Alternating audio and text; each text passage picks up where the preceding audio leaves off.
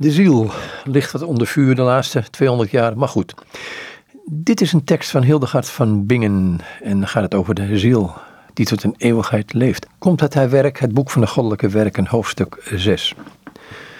De mens, zegt Hildegard van Bingen, de mens die het pad van de dwaasheid volgt en de creatieve wijsheid veracht, veroordeelt zichzelf. Hij heeft geen grens aan zijn kwaad en negeert het toekomstig leven. Hij wil niet eens weten of er een ander leven is en weigert de oorzaken van zijn eigen veranderende natuur zorgvuldig te onderzoeken. Deze man kan zijn kindertijd, zijn adolescentie, zijn jeugd en zijn volwassenheid nog begrijpen. Maar hij is niet in staat om te begrijpen wat hij aan het worden is, in zijn aftakeling en de betekenis van deze transformatie van zijn wezen.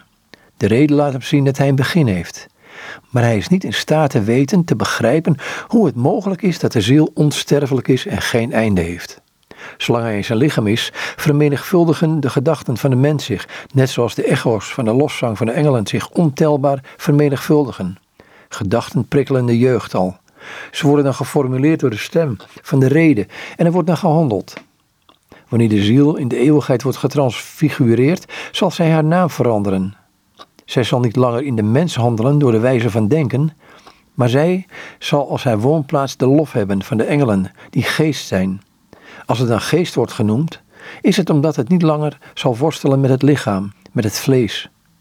De mens zal naam van leven dragen, want hij is al leven in deze wereld zolang hij leeft door de adem van de geest.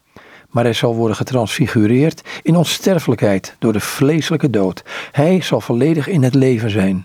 Na het laatste oordeel zal hij door zijn lichaam en ziel eeuwig leven. Aldus Hildegard van Bingen. Het komt uit het boek van de goddelijke werken, hoofdstuk 6.